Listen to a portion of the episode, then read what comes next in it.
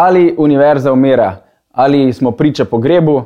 Namreč, ali se že sliši nekje v zadju en slavnostni rekvijem, kot pravi italijanski filozof Giorgio Agamben, precej dramatične teze, ki jih bomo danes diskutirali z, uh, v naši trojni ekipi, uh, z filozofom, prevajalcem, uh, sovrednikom uh, Razpoti, uh, Aljošo Kravanjo uh, in pa z Rokom Škrlepom, Tako, uh, ki je pa krančan, stand-up komik, improvizator, tudi voditelj. res je, res je. Lepo pozdravljen. In pa uh, moja malenkost bo par besed povedala, jaz sem pa sicer učitelj, uh, tudi študent sociologije kulture, pa občasni bloger in kolumnist. Uh, tako, ali univerza umira in ali je to nekaj tragičnega, kot trdi uh, italijanski filozof Giorgio Agamben, ki se tudi sicer v svojih delih veliko ukvarja z vprašanjem biopolitike, uh, z vprašanjem, kaj pomeni za res živeti, kaj pa zgolj preživeti, kaj je družbeno, kaj uh, zgolj, bi- zgolj biološko življenje. Vsa ta vprašanja pa v članku Requiem za študente eh, pred letom dni izdanim, približno, eh, nekako poveže v aktualno situacijo v zvezi z univerzami. Eh, Namreč eh, pravi, bom kar citiral, eh, pripravite se na en precej udaren eh, citat. Torej, profesori, ki so se pripravljeni podvreči, kot to množično počnejo, novi eh, telematski diktaturi in pristati na to, da imajo predavanje izključno online, so popoln ekvivalent univerzitetnim predavateljem, ki so leta 1931 prisegli zvestobo fašističnemu režimu. Wow? E, to, to je eno tako izhodišče e, za današnji pogovor. Tudi sicer e, v tem kratkem, pamfletnem skoraj, članku e, italijanskega filozofa, e, ki nas spodbuja, da vse te, e, vsa ta dogajanja v zvezi z univerzo uh, poskušamo videti tudi nekako iz druge plati, iz plati, ki jo, če se ne motim, tako je moj vtis, uh, tudi um, včasih katoliška inteligenca naslavlja precej proaktivno, torej kaj pomeni živeti, polno živeti, tudi praznovati, tudi v nekem crkvenem smislu, kaj pa zgolj preživeti in kaj to pomeni za, uh, tudi za vprašanje univerz, študentstva, mladosti, uh, brbotanja znanja in srečevanja. Uh, Torej, ali je drama upravičena, kaj se dogaja, pa kar odpiram debato, kako ti, kot asistent na filozofski fakulteti, dojemaš en somrak živih predavanj, uh, ali dejansko pojemo rekem za študente. Ja, jaz moram reči, da hude razlike nisem opazil, zato ker sem začel delati na fakulteti, predavati ravno sredi epidemije. Tako da sploh nimam priložnosti, da je primerjal prejšnjo stanje pred koronsko z trenutnim koronskim stanjem. Teda ne morem reči, da sem veliko zgubil. Kar sem pa dobil, je pa to, da dnevno sedim dve ure pred Zoomom, pa da govorim um, pač nekemu občinstvu, ki ni pa navzoče, ki ni prisotno. Večina študentov ima tudi izklopljene kamere, teda pravzaprav govorim nekemu zboru črnih kvadratkov.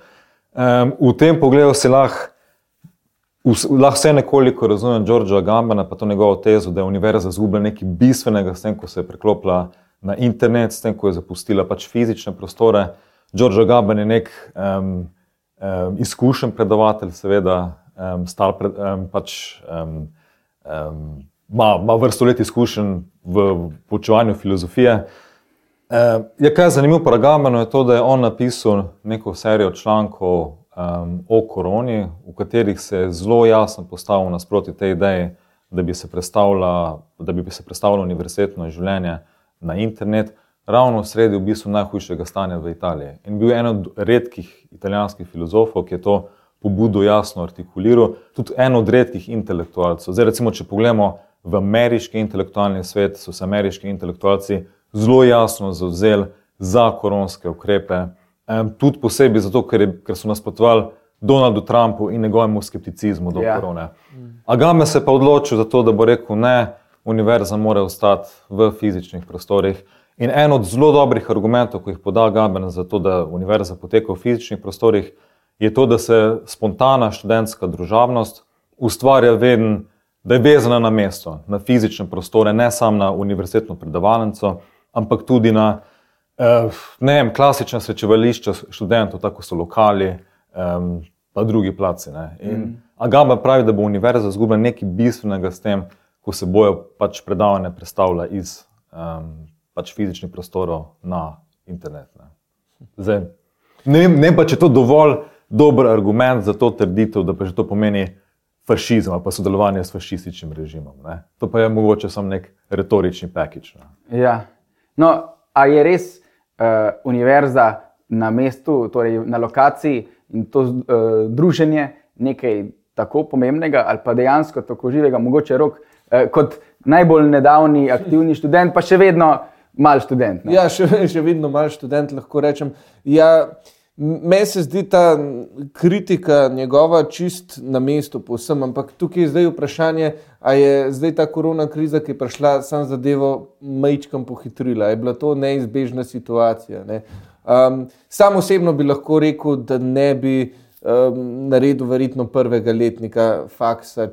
Tako jaz kar sam sebe poznam, če bi imeli že prek spleta. Ker ravno ta, eh, ta pogovor, te žive debate, kot lahko rečemo, so me res podbudile nekako k drugem razmišljanju, eh, druženje samo. Ehm, spoznal sem svoje kolege, skupaj smo si izmenjali svoje mišljenje in to se mi zdi.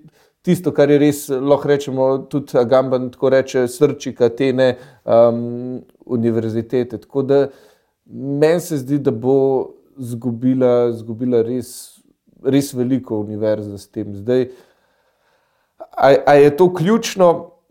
Meni osebno bi se zdel. Zdaj um, bomo videli, kaj bo pa to prineslo, seveda, čez čas. No, poleg tega, da je. Da, da zgubimo marsikaj s tem debatami, s temi uh, srečevanji v živo, se mi zdi, da bojo posledice tudi take, kot so recimo čustvena utopelost, recimo in tako že.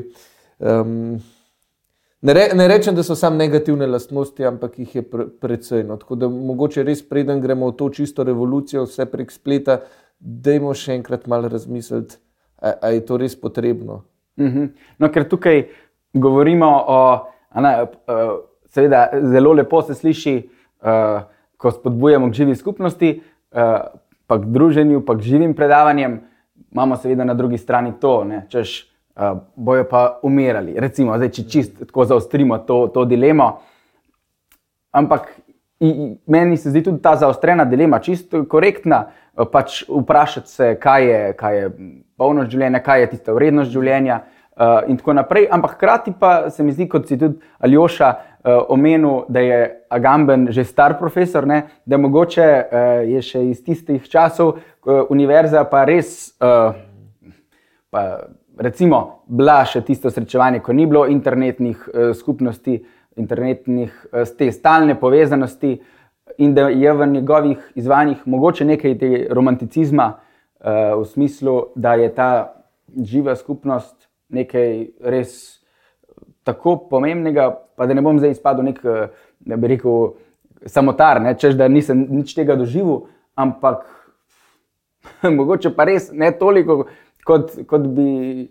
Uh, ni, ni se mi zdelo, da, da smo tako se družili, uh, ali pa da smo imeli toliko uh, enih živih interakcij, prav v navezavi na uh, študijski program. Smo imeli še druge skupine, um, kar ni nujno vezano na univerzo. Ne? Jaz se upravičujem, jaz mogoče imam tukaj res en tak osebni, osebni primer, lahko rečem, sestro dvojčico imam. Uh, ona je šla študirati v Koper, razredni pouk, jaz sem v Ljubljani uh, študiram zgodovino. In ena stvar, ki mi je bila res zanimiva, ona je šla tja in je doživela vso obštudijsko življenje, ki je bilo na voljo. Uh, poleg tega, se pravi, po študiju so se dobivali, so hodili skupaj na izlete, so debatirali, diskutirali o temah.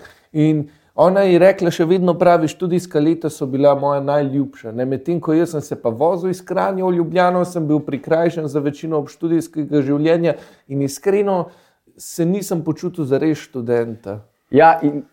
ja, mislim, moja izkušnja študija je ta, da um, ko so se predavanja končala, ko je profesor zaključil predavanja, je običajno rekel, da je kako vprašanje in občinstvo, študenti smo močali. Um, Dru, čist drugače pa je bilo, ko smo šli na pijačo, ko smo šli ven, smo pa začeli diskutirati o tem, kar je profesor spregovoril, o, čem, o tem, o čem, pač o čem je govoril.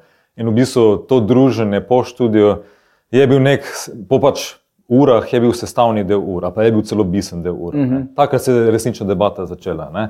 In, Kot da bi bila predavanja ja, namenjena tako. Temu, da se tako, zgodi enkrat tako, po tako. predavanju. Ja, ja. To, to se pa v bistvu zdaj zgubili pač po koronskih časih. Ne? Ker dvomim, da lahko ta diskusija poteka na isto živahen način, recimo vem, prek Discorda, prek, mm. ne, prek Twitterja, pa whatever. Ne? Nabrž ne, verjetno ne. ne.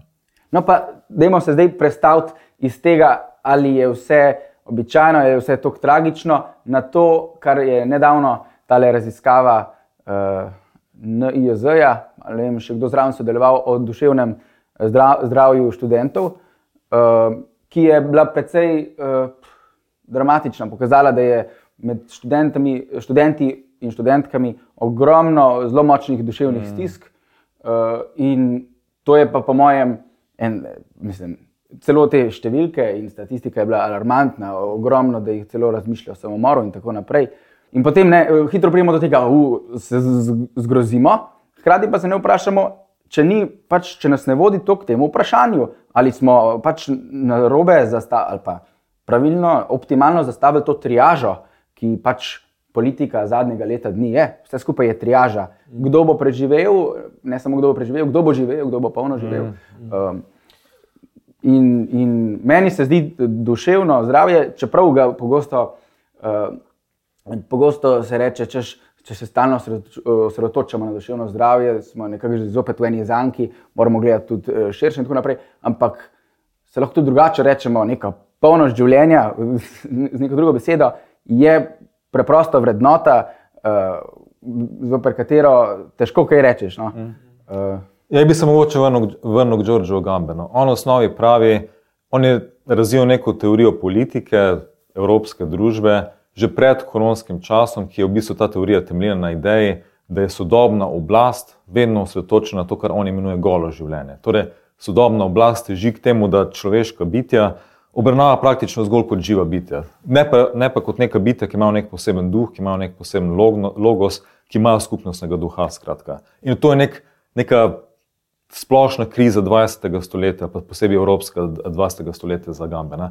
In v bistvu v, korona, v koroni je videl točen zaostritev tega trenda. Točen neko maksimalizacijo tega trenda, kot je že k temu, da oblast obravnava ljudi zgolj kot živa bitja. In ravno to se je zgodilo v korona času. In ko mi rečemo nasprotno, da se moramo korona ukrepom, recimo, da jih moramo omejiti v imenu duševnega zdravja, ponavljamo ta argument. Mm -hmm. V bistvu se znova sklicujemo na zdrave kot na protiargument proti temu, da um, sprejemamo ukrepe v imenu nekega zdravja. Ne? In še vedno ostajamo v tej logiki biopolitike, ki jo pač tako imenuje Agamben. Ne? Kaj bi pa sam Agamben rekel, pa je, da nasprotno, da moramo zdravju, pa skrbi za zdravje zoprstaviti. Recimo, skrbi za, skrb za intelektualno dejavnost, pa za duha. To je pa rekel Agamben. Ne? Za duha, ja. Mm. Ja, je, mislim, tukaj se res ne bi mogel bolj strinjati. Uh, res, pogovarjal sem se celo s tem človekom iz NIJZ, zdaj trenutno sem pozabil njegovo ime.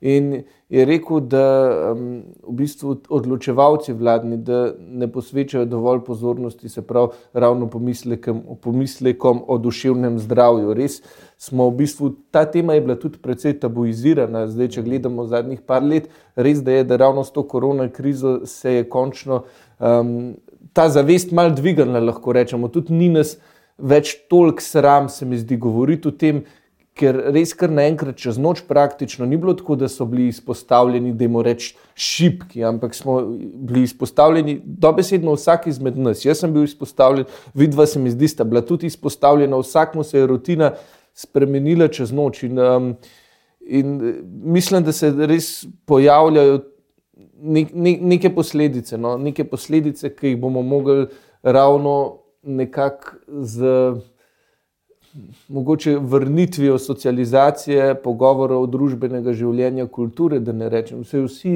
ukrepi, ki so bili sprejeti, so ravno to, se pravi, da jim preživeti. Ampak zadnji, zadnje leto ne vem, kdo izmed nas je zares živel, redki so tisti. No. Mm -hmm. Meni se zdi ravno to, kot si ti omenil, Aljoša, uh, da je zopet govor o duševnem zdravju lahko vrtenje znotraj iste paradigme, zelo posameznika, njegovega well-beinga. Um, da se smo na neki točki, tudi uh, skupaj s to uh, dilemo o statusu univerze, o živem, o živem srečevanju, ali bomo zdaj šli uh, naprej v, znotraj te, kot praviš, da Agamben celotno, uh, tudi 200 stoletje in, in to tehnološko stoletje vidi proces, da vedno bolj razmišljamo o preživetju, o varnosti. Jaz nasploh opažam stalno varnost. In seveda, kdo bi bil proti varnosti, kdo komu privošči, da se kaj zgodi, ampak je tukaj zadnji nekaj, pač popolna varnost je, um, je druga plat popolne, uh, popolnega dolgočasja. Mm. Mislim, pa se. Pač, uh, Lahko rečemo, prosti, da te prekinjam, ampak popolna va varnost je nevarna, če tako gledamo. A, a, a, je, a je to res? Ne? Ker eh, točno ta cona obdobja in uh, postajamo res pasivni člani dru družbe, pasivni ljudje, pasivne duše, ko, ko vse imamo. Se mi zdi, da človek, da zori, mora biti stalno vsaj v neki nevarnosti. Nobeno ne prvošam, ampak gled če gledamo najbolj se človek vzgoji, ko nima vsega. Um, ja, je pa res, po mojem, da zdaj ravno v, v, v tej konkretni eh, politični, etični, moralni dilemi v zvezi z ukrepi, lahko hitro, ko govorimo o nevarnosti, pridemo do, do, do zapostavljanja dejansko šipkejših, eh, pa starejših in tako naprej. Eh, ampak to je tudi že druga zgodba, eh, ki je zopet zanimiva. Če imamo tukaj pri univerzi mlade, ki so v, v, smislu, eh, v smislu neke čilosti telesne, pač niso, niso v nevarnosti v zvezi z virusom, in starejši. In to se pa zelo malo izpostavlja, ker je kontroverzno. Ne? Vendar, le, um, ko mi enkrat uh, govorimo o življenju kot trajanju, imamo kar enkrat to bremico. Traja, in če se življenje prekine, kakorkoli, preden bi absolutno doseglo nek višek trajanja, je to. Je to Tragedija. Tragedija. Tragedija pa, pa, pa je to napačno, napačno mislim, ni po mojem ravno pravilno dojemanje. Tragedija je vem, smrt uh, mladega človeka, smrt zrelega človeka, um, smrt starega človeka, je pa žalostna novica. Pa, mislim, ni nujno tragedija, je lahko tragedija, ni pa nujno. Mislim, to je zdaj, pa dajem to v oklepaj. Ampak zdi se mi, uh, zdi se mi da smo uh, um, kar preveč zapopadali to. Um, preveč abstraktno dojemanje življenja kot neke premice uh, in absolutna vrednota trajanja. In zdaj tukaj mladi, kot, uh, uh, kot smo rekli, uh, so pač zdaj nekako nasrkali oziroma čutijo te posledice na duševnem zdravju, pa zopet lahko bolje rečemo na duhu, na, na, na, na, svoj, ja. na svoji polnosti. Mm. So, bili, so pa bili večinoma dejansko pripravljeni žrtvovati. Žrtvo smo bili pripravljeni sprejeti. Ja. So to sprejeli na ja. sebe. Mogoče dejansko še bolj kot starejši sami. Um, lažje je bilo ostati doma, um, se pač pod, podrediti principom karantene mlajšim, zato ker so vedeli, da s tem rešujejo druge, kot pa starejšim, ker so vedeli, da v zadnji instanci rešujejo sam sebe, če ostajajo doma. Teda, lažje je ostati doma v imenu drugih, kot pa v imenu pač samega sebe. V, v in moja izkušnja je ta, da so se mlajši um, definitivno bolj držali karantene kot starejši. Ja. Prav se je karantena izvajala točno v imenu starejših. Ja, no, glede tega se strinjam, ampak vprašanje tukaj je, kako dolgo. Zdaj, um, Je neka žrtev, rečem, lahko, ok, eno leto se bom zdaj bolj čuval, ampak Jaz res težko gledam, recimo, mladino zdaj, pa to je verjetno zdaj že čist druga tema, kot smo si jo zamislili, ampak upam, da bodo tudi ostali naši pogovori bili tako široko zajeti. Ampak um, gledati, ne vem, 18-letnike, 19-letnike, ko se spomnim, no se ni bilo spet tako daleč nazaj, ampak kako, kako polno smo živeli, ne, da so v bistvu pripravljeni to žrtev sprejeti. Pa zdaj ne vem, ali sprejmejo to žrtev iz, recimo, aha to je žrtev za ostale, za starejše generacije, ali sam postajajo bolj pasivni, pa rečejo, ja, kaj pač smo. In to je, to je raz, razlika, ali ti to vzameš kot žrtev ali pa kot sprejem, udajanje v usodo. No. Ja, ena možna interpretacija je ta, da rečemo, da so mladi prepož že navajeni na spletno komunikacijo. Da, mhm. da ne dojemajo ja, usodno ja, vsega skupaj. Da jim ni bilo tako težko predstaviti online. In mislim, da je to tudi nek pogost način razmišljanja o korona krizi da vidimo v bistvu v koroni nekaj, kar je samo ukrepil ali pa pospešil neke tendence, ko že obstajajo. Tako že obstajajo tendence, da selimo svojo komunikacijo na splet, že obstajajo tendence, da sama univerza bolj in bolj spletno poteka. In korona je tako rekoč sam zapečatila to dejstvo. Pogosto razmišljamo, po mojem, korona krizi. Tudi že, dejstvo je, da že obstajajo taki trendi, da se selijo celotna predavanja na internet, mm -hmm. pa da mhm. so udeleženci, torej študenti, ki obiskujejo ta predavanja, v bistvu neka mednarodna skupnost, ki mhm. spremljajo pač online.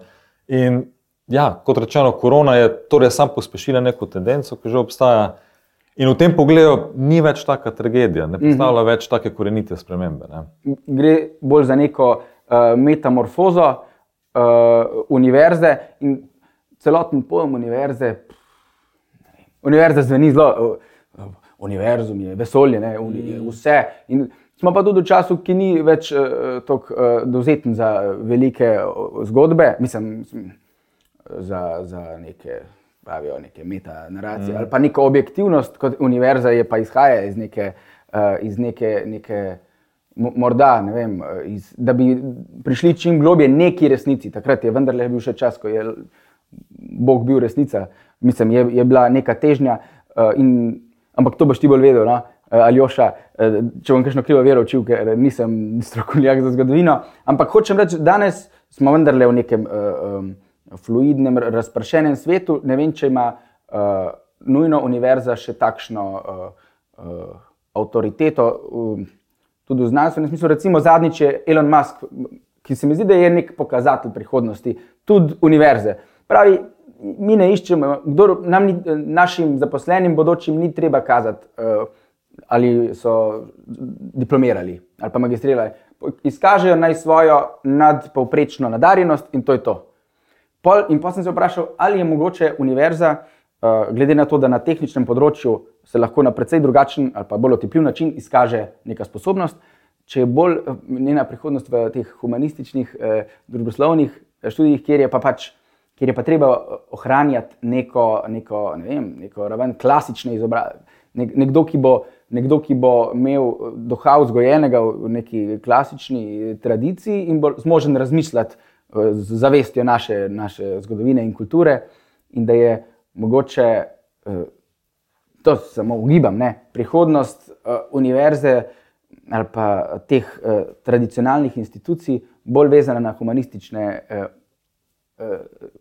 smeri. Vem, da to ostane tehnika, pa nekako, mm. da bi, kako, kako se pravi, se vsak samo čist zdaj ostalih tehničnih, nehumanističnih ali s pomočjo. Ja, zakaj pa ne?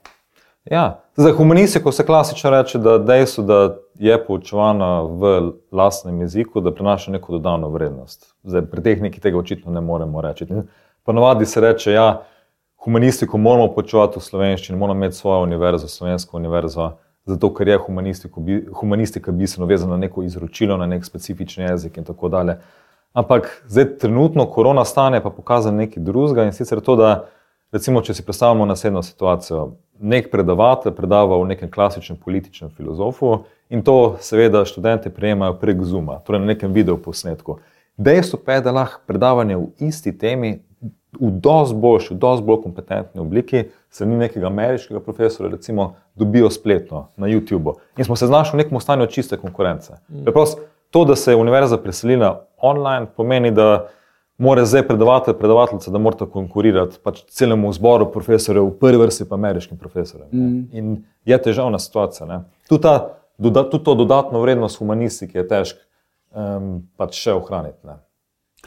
Kvečem, kot si rekel, eh, z vidika tudi nacionalne uh, uh, zavesti, bit, uh, mislim, jezika, da, mm. da je mm. tukaj ta vrednost, da, ohranja, uh, rekel, da ohranjamo neko raven uh, misli, uh, tudi v posameznih jezikih, mm. v vulgarnih jezikih, ki niso angliščine. Recimo, ja, in uh, tukaj, kar naenkrat mi imamo, verjetno, zdaj bom na pamet rekel, tisoč profesorjev filozofije, ki učijo uh, vem, klasično filozofijo. Ampak zakaj jih rabimo tisoč? Ne? In spet je tukaj zdaj ta težava. Zakaj niste dva ali pa tri, mogoče eno v angleščini, mogoče še kakšen v španščini, ki jih je tudi precej, pa se tukaj počasi konča. In, eh, A, a je to mogoče prihodnost, da bo sto največjih strokovnjakov predavalo v celem svetu? Pa, mm. kaj, kaj so nevarnosti tukaj? Ne? Zdaj, če je če imaš ti več različnih profesorjev, tudi več različnih mnenj slišiš tukaj. Um, bo verjetno eno mnenje, ki bo prevladovalo in to zdaj spet vprašanje, je to dobra stvar. Plus, um, ne, tukaj se res treba tudi vprašati za prihodnost profesorjev naših. Recimo, um, ja, in, in super je to izhodišče, da nekako probamo zdaj zaokrožiti. Uh, prihodnost naših profesorjev je nekako pragmatična, ne? ali bomo dobili neko nov razred brezposelnih, in tako naprej. In se ravno z, z našo temo smrtjo univerze, oziroma uh, koncem klasičnega študentstva, lahko vprašamo, ali uh, si upamo iti onkraj tega, da pač bo neke turbulence uh, med akademijo, uh, ker se spremenja uh, način, uh, bi rekel, te intelektualnega življenja klasične akademije, na univerze v tem in tem mestu, um, v tem, da grejo študentje na splet, da imajo radikalno konkurenco v celem svetu, uh, ali pa med vse univerze, da so nekako izpostavljene radikalni konkurenci. Um, in lahko v tem duhu uh, nekako zaključimo naš razmišljek od tega, ali se je res zgodilo nekaj tragičnega. Dejstvom, da se je zgodilo nekaj tragičnega, v smislu, da smo rekli, da študenti grejo skozi hude, mnogi skozi zelo hude, tudi duševne ali pa osebne težave, in zdaj tem, kakšna je, kakšna je pot naprej, ali pa kako misliti vse skupaj čim manj rigidno in v nekem slabem smislu, konzervativno, kot upajoč, da bo vse zopet kot je bilo. Um, kakšna je, da tako recimo zastavimo zadnjo misel, kakšna je lahko uh, najbolj optimističen, najbolj svetu uh, izhod ali pa pot, pa lahko tudi bolj odprto rečeno, odgovarjamo uh, iz te situacije, torej COVID-ne, uh, iz vprašanja uh, te biopolitike in v končni fazi univerze. Um, kam gremo, kam lahko gremo? Ja, no, okay, bom jaz pa začel, bo, bo Aljoša, ki je malo bolj strokovnjak, zaključil, da bomo bolj udarno zaključili. Uh, jaz, moja lajčna misel je, da že zdaj smo imeli fakultete, kot smo omenjali, se pravi, ki so šle prek spleta. Zdaj se mi zdi, ne bo več tako, kot je bilo. To, to sem predvsej prepričan in tudi se mi zdi, da smo ljudje nekako to sprejeli. Se mi pa zdi, da se bodo res razdelili dve univerzi, se pravi, imeli bomo spletne uh, verzije in imeli bomo dejansko. Um, fizične verzije. Ne? In še vedno bojo obstajali ljudje, ki bojo bolj cenili, se pravi, fizično prisotnost, ki bojo želeli biti tam. Zdaj, tukaj je en strah, ki se mi pa poraja, je, kako bo pa to finančno. Zdaj, če razmišljamo, da tam mora biti profesor, da rabimo učilnico, da rabimo fizično ustanovo, ogrevanje, profesor, da se tja prepele, da tam sodeluje lahko mogoče 20, 30 recimo 50 študentov, medtem ko online jih lahko, da jim rečemo 10 tisoč ali v neskončnost, bo to se mi zdi. Uh, prišlo dražje. In mi, glede, Slovenija, glede na to, da smo uh, bili zaenkrat nekako imeli pristop študij za vse, enake pravice za vse, se mi zdi, da tukaj stvar, ki me skrbi, je, da se tukaj znajo delati razlike in se pravi, da, bo, uh, da bojo fizične univerze rezervirane za elite. Ne vem, tako, tak, tako ja, pričakovanje imam jaz. Ampak to je bilo negativno, spet pesimistično. Ampak še vedno bomo lahko verjetno hodili fizično na univerze. A je to optimistično? Recimo, da je eno. za, za bogate si rekel. okay. ja, jaz mislim, da velja za univerze nasploh, da so neki prostori, kjer si posebej, posebej na humanističnih fakultetah, profesori pa profesorice lahko zamišljajo najrazličnejše svetove, lahko predlagajo najrazličnejše um, revolucije, predelave družbene stvarnosti, ampak v vseh teh utopijah velja ena skupna poteza, v vseh teh utopijah bo imel profesori še svoje službe. In mislim, da bo tudi podobno velja za korona krizo, da ne glede na to, kako se bo išla, bo ostala ta struktura temeljna univerze še nespremenjena. Edino, kar je pa res laž, pač kar, kar slabo je, kar se lahko zgodi, pa je preprosto to, da se bo pojavilo neko stanje absolutne mednarodne konkurence, kjer bojo de facto zmagovali posebej ameriški profesori in bo večina študentov pa študentk dobivali neke relevantne informacije od njih, zgolj formalno bojo pa opisali neke domače študijske programe. In bo torej fakulteta, da bo posebej humanistična fakulteta, da bo res ostala samo še ena stvar formalnosti. Zdaj ena pozitivna plat, en recimo nek potencialni pozitivni iztek, ko se pa lahko zgodi iz te korona krize, je pa to, da se začnejo vzpostavljati neke nove povezave, neke nove mednarodne povezave. Recimo s takimi državami, kot so Kitajska, ko so do zdaj še zelo tako hermetično zaprte, ampak vsem pa lahko vidim, tako ko gledam ne vem, seznam nedavnih spletnih konferenc, da obstaja neka težnja potem, da se povezujejo evropski in ameriški akademiki na eni strani s kitajskimi akademiki na drugi. In tukaj, tukaj se podpora odpira pot za neko novo pluralnost, mogoče. Ne? Ko vse ne gre v smeri proti tej, recimo, kulturni hegemoniji Amerike pa, pa Anglije, recimo, torej anglosaškega prostora, ampak nek, proti nekemu pač policentričnemu svetu, kjer imamo, na, kjer imamo enega produktivnega sogovornika, recimo v obliki um, Kitajske, ne? pa drugih mm. narodov. Mogoče ena še pozitivna stvar, no, ki se meni zdi, Ko smo govorili o brezposelnosti, da jim reč profesorju, pa da mogoče to ni, to, ali jo še imenu, da mogoče to ni to kritično. Uh, predvsem se mi zdi, da dolgočasni, slabi profesori, tako da rečemo, profesori slabo uh, retoriko, mogoče z rahlo uh, manj bogatim znanjem, bojo težje uh, dobivali predavanje, ker bo ravno ta konkurenca, si bomo sami nekako izbirali.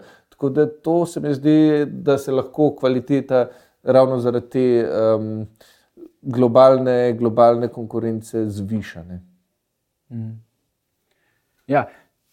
Tako, če smem še jaz zaključiti z eno uh, optimistično uh, mislijo, uh, zdi se mi, da poleg uh, uh, vseh sprememb, m, pozitivnih, recimo, če smatramo, da negativnih uh, reči je nebrojene, uh, da je pa tudi ta, ravno ta, mm, rekel, ravno ta polemika, ki jo je Agamben odprl, da se polje vprašanje, kaj je življenje, postaje neko realno politično vprašanje, okrog katerega eh, se je potrebno opredeliti in da daje to neko eh, živahnost ali pa neko uh, uh, vibranco, nekaj, nekaj vibrantnega uh, naši celotni javni uh, politični skupnosti, kulturni uh, in da Eh, da je torej naše, kako bi rekel, da, smo, da nas celotna situacija eh, ne bo pustila v nekaj, nekem dolgočasnem, opustošenem svetu, ampak v svetu, kjer bodo še vedno realna, uh, etična vprašanja, ki jih bomo reševali, in to se mi zdi nekaj, nekaj dobrega. Evo. Hvala uh, uh, za pogovor. Uh, ja, res, jaz sem kar užival. uh, zdaj pa uh, vsi, vsi, ki ste nas spremljali, hvala vam. Uh, to je bila naša prva izdaja, bi rekel, družbeno-politične, aktualno-družbene redakcije Reflektorja. Uh, polajkajte, uh, pofollowajte nas uh, in upam, da se vidimo tudi v prihodnih izdajah, ko bo pa naša uh, trojica voditeljev se. Um, kdaj pa kdaj nekako ločila in bomo gostili razne zanimive goste iz sveta uh, družbe, uh, politike, kulture uh, in da se vidimo tudi v tistih priložnostih, da nam prisluhnete. In no, vse dobro, srečno. V prihodnji epizodi oddaje Reflektor z naslovom Okrepi se in bodi mož boste lahko slišali, kako Gregor Čušin razmišlja o vlogi sodobnega moškega. Vabljeni k poslušanju.